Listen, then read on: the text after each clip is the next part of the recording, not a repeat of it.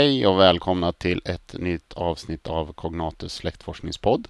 Det här är mitt första poddavsnitt för 2016 så jag får väl önska er ett gott nytt år även om det nu kommer en smula sent. Anledningen till att mitt poddande har legat på is är att jag har ägnat tiden åt att släktforska istället och det hoppas jag att ni inte missunnar mig. Men nu tar vi och startar upp poddandet igen och eh, först ut är ett par inslag som jag har haft liggandes i min dator ett tag. Det ena är en intervju med eh, Arkiv Digitals Niklas Hertzman som jag gjorde med honom dagarna innan jul där vi pratade lite om bakgrunden till Arkiv Digital, vad de pysslar med nu och hur de ser på framtiden.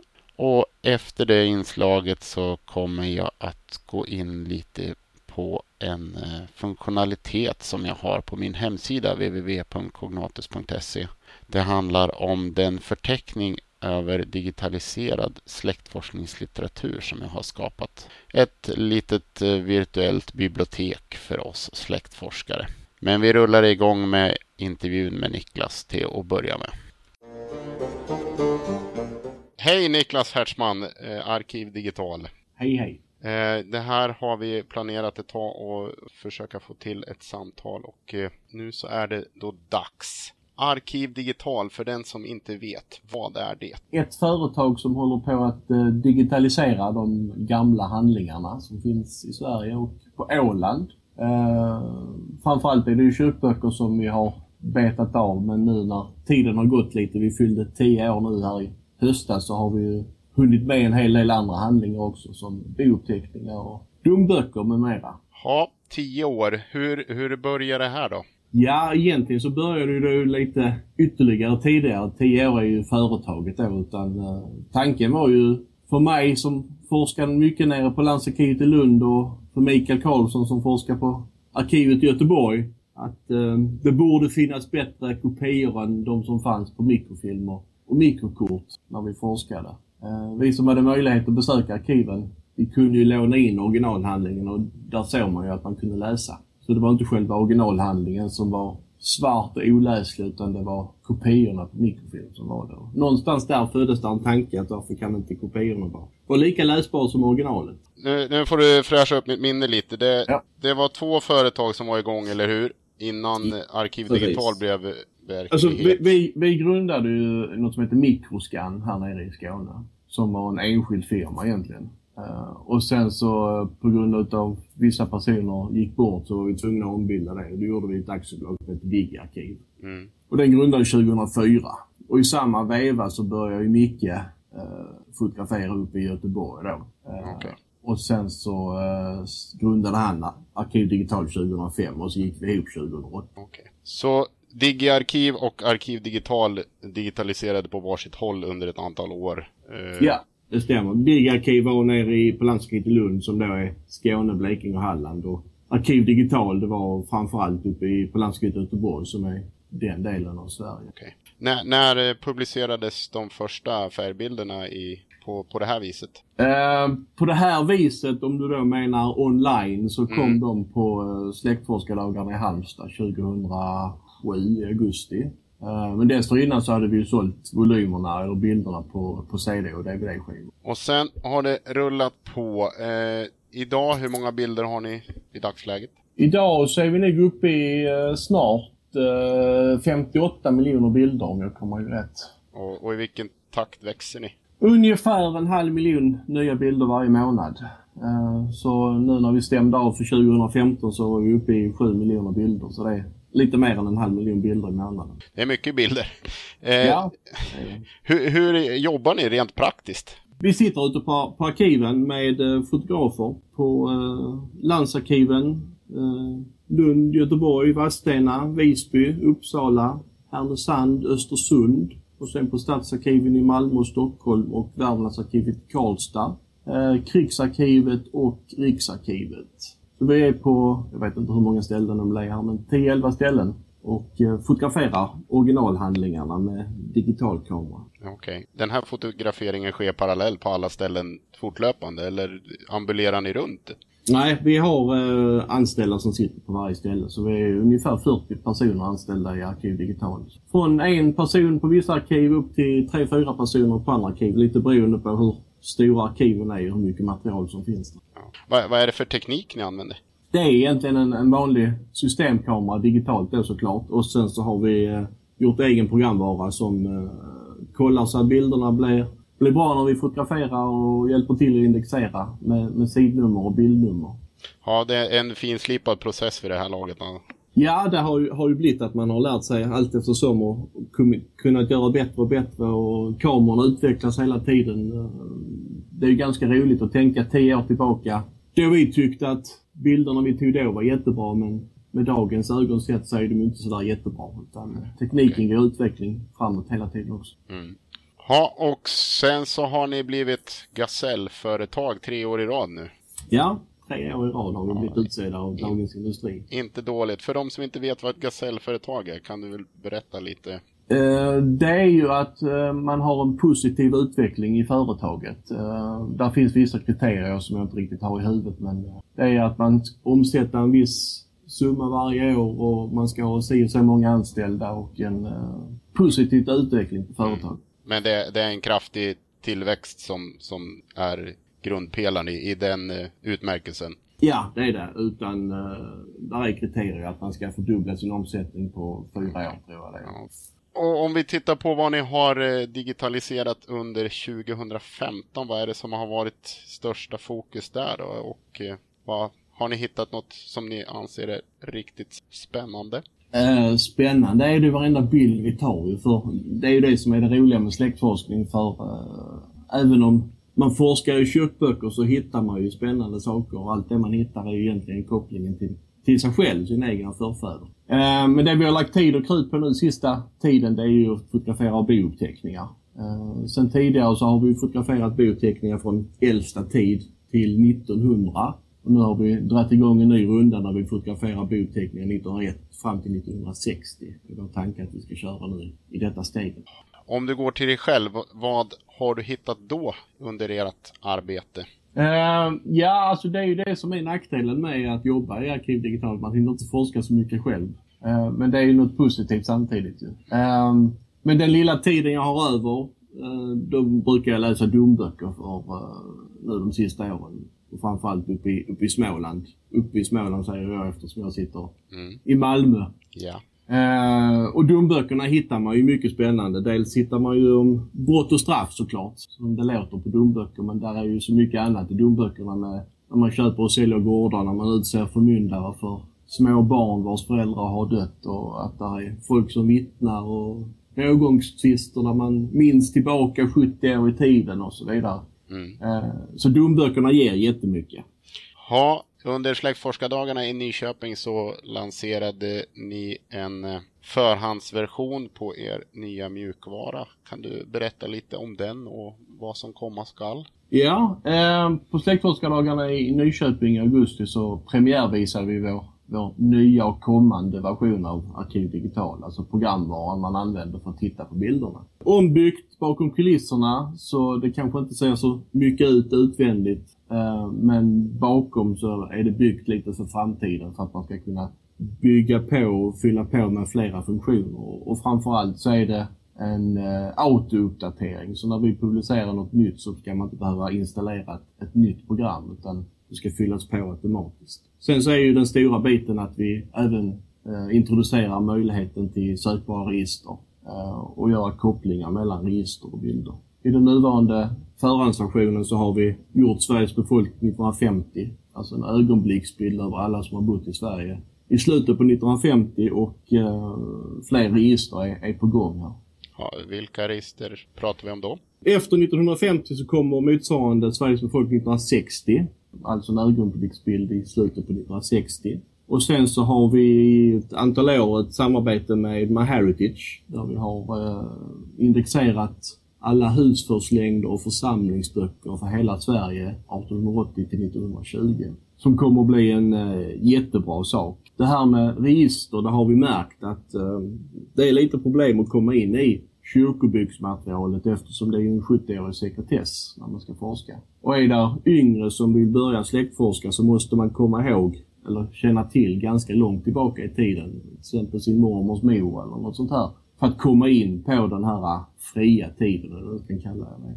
Uh, och då har vi sett att det saknas någonting av registertyp som man kan komma förbi sekretessen på ett eller annat sätt. Och de här uh, mantalslängderna som vi då har registrerat till 1950, det är, ju, det är ju fri från sekretess eftersom det innehåller inte sånt som kan sekretessklassas. Okej. Okay. Hur, hur förhåller sig de här registren till personuppgiftslagen? Eh, personuppgiftslagen, eh, det gäller ju eh, på nätet.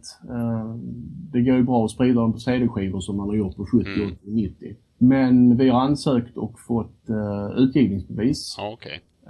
Så den är, är, starkare i lagstiftningen än PUL. Så den mm. går över PUL. Ja, okay. ja, det, det är via utgivningsbevis som ni ja. har löst den ja. frågan. Ja, men det är ju intressant. Hur ser det ut med, med material från andra länder framöver? Är det någonting som ni kommer att ta in i er verksamhet? Eh, redan nu så har vi ju fotograferat mycket av materialet som finns på Åland. Eh, även om det har varit en del av Sverige så kan man ju säga att det är ett mm. annat land. Mm. Eh, om, om, vi tänker i större perspektiv, till exempel Finland och... Ja, ehm, det är väl, tankar finns ju men det är det ligger säkert ett antal år fram i tiden om det blir aktuellt. Eh, närmast på kartan tror jag i så fall kommer att bli eh, Riksarkivet i Köpenhamn.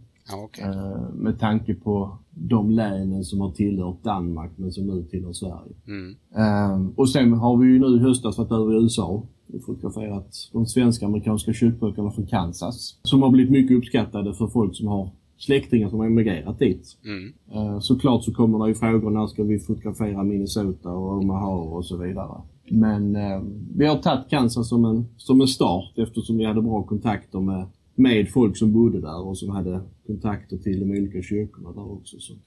Vad är det mer på gång? Vad händer? Mycket kretsar kring olika typer av register då. 1950, mm. 1960 och 1880, 1920. Men mm. sen är ju vår tanke med att introducera fler register som biotekniksregister. Och ja, är det någon mm. privatperson som har gjort egna register så mm. kan vi ju hjälpa till att publicera dem också. Om man som privatperson har idéer om register som vore bra att ni publicerade, kan man skicka in dem till er? Eller ja, ställa, ställa frågan i varje fall. Ja, det är absolut, är vi intresserade av att titta på registerna och eh, det enklaste sättet är ju att man tar kontakt med vår kundtjänst. Mm. På kundtjänst utan pricka på A snabbelarkivdigitalt.se. Okay. Eh, och beskriver lite registret som man har, har gjort och eh, hur man vill dela med sig av det så, så tittar vi på möjligheterna. På släktforskardagarna så var det nog en fem, sex stycken som kom och pratade med oss och hade gjort sina egna register. Allt från vigselregister till något eget bouppteckningsregister fått höra till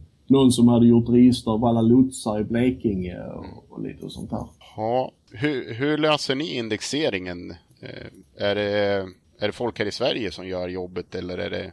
Eh, det är både och. Eh, både folk i Sverige och inköpta tjänster. Okay.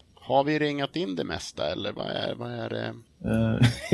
jag vet inte riktigt men... Vad, vad, vad, får ni för frågor apropå era mjukvara? Vad, vad vill folk ha för förändringar i den? Spontant så känner jag att när jag kommer in och plockar upp en församling jag skulle vilja begränsa antalet volymer till de jag skulle vilja ha en, en, en datumfunktion som säger att okej, okay, nu vill jag bara se volymer som innehåller material som berör 1700 till 1750. Mm. Så att man kokar ner det till, till dem. Ja, precis. Det är ju är en sån puck som ligger på, på, på dagordningen. Så det ja, okay. kommer säkert att införas. Här, Men alltså, när vi pratar med folk så är det ju det är mycket att jag skulle kunna skriva in i klartext och hitta att är jag söker jag på mantalslängder så ska jag kunna skriva in mantalslängder i eh, okay. Kronobergs län. Mm. Uh, inte behöva gå in via Länsstyrelsen eller Kronobergs läns landskontor och så vidare. Uh, så lite, lite, vad ska man kalla det, smartare sökingångar. Men det kommer nog att komma med tanke på att dels indexerar vi det på, på namnnivå i de här stora projekten och sen mm. så är ju tanken att vi även ska indexera upp vad som finns på varje bild.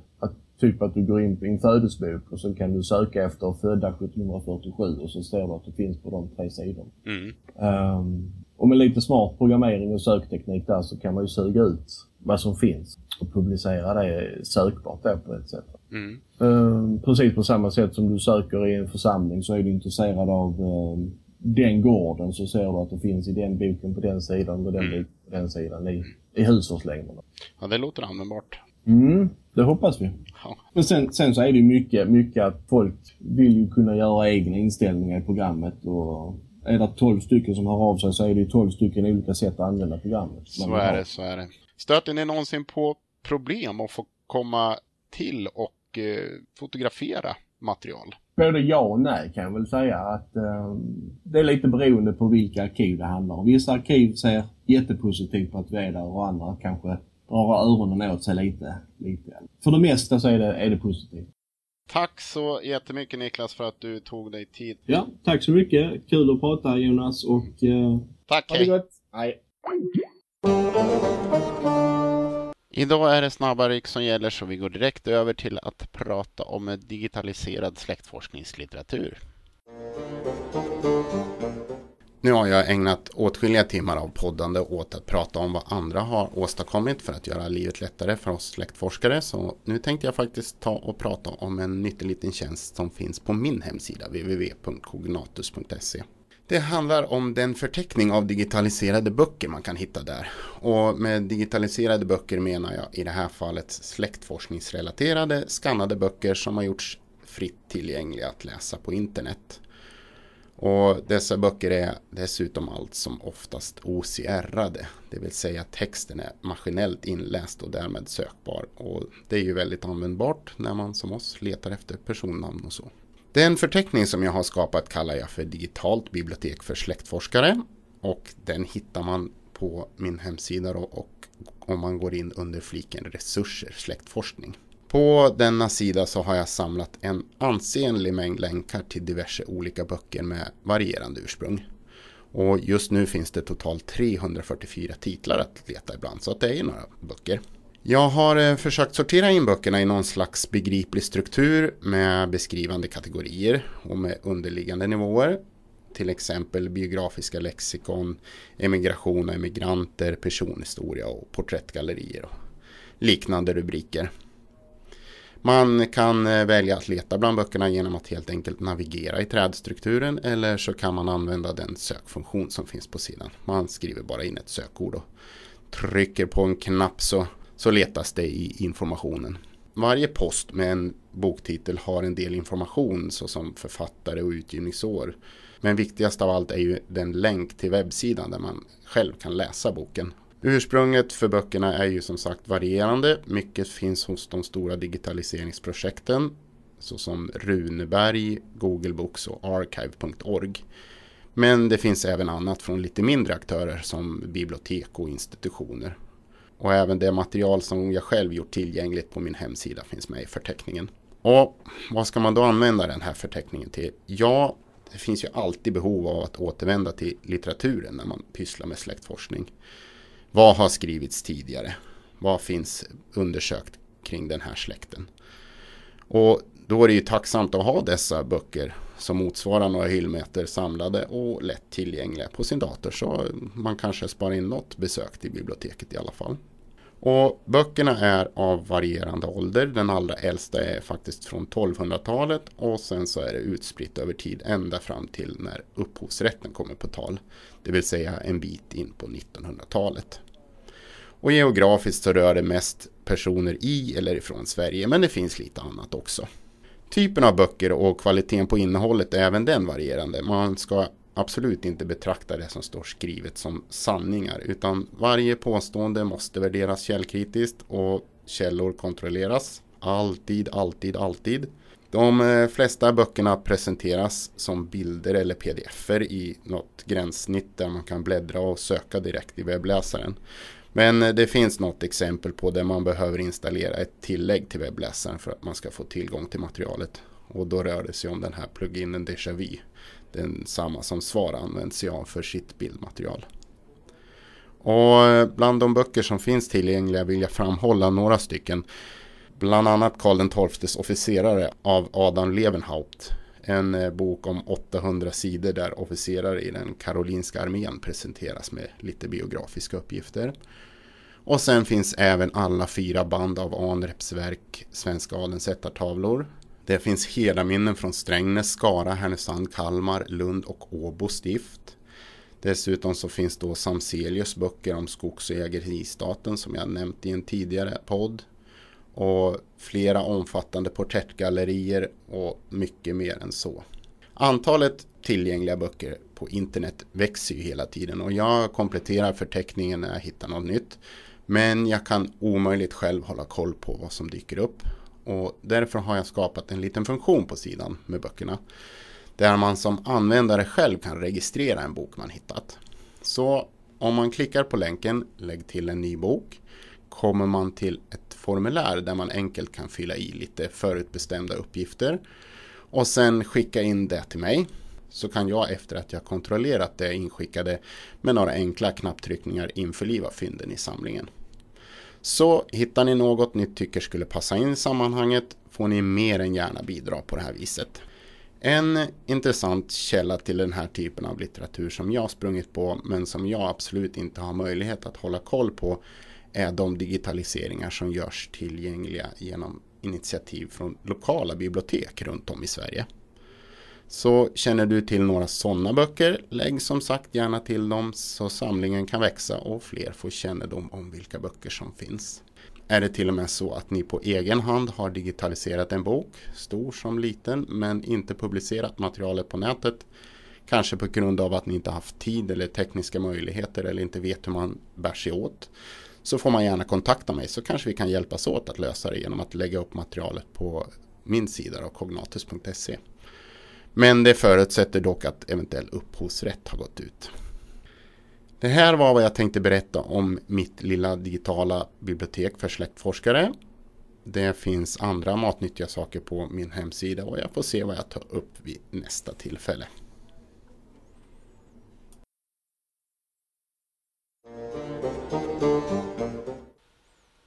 Det var allt jag hade att komma med i det här avsnittet. Jag påminner om att ni är hjärtligt välkomna att höra av er eh, via mail eller Skype. Prata om någonting som ni tycker är intressant. Kom med förslag på vad vi kan ta upp här i podden. Ni har lyssnat på Cognatus släktforskningspodd. Jag heter Jonas Magnusson. Ta hand om er så hörs vi nästa gång.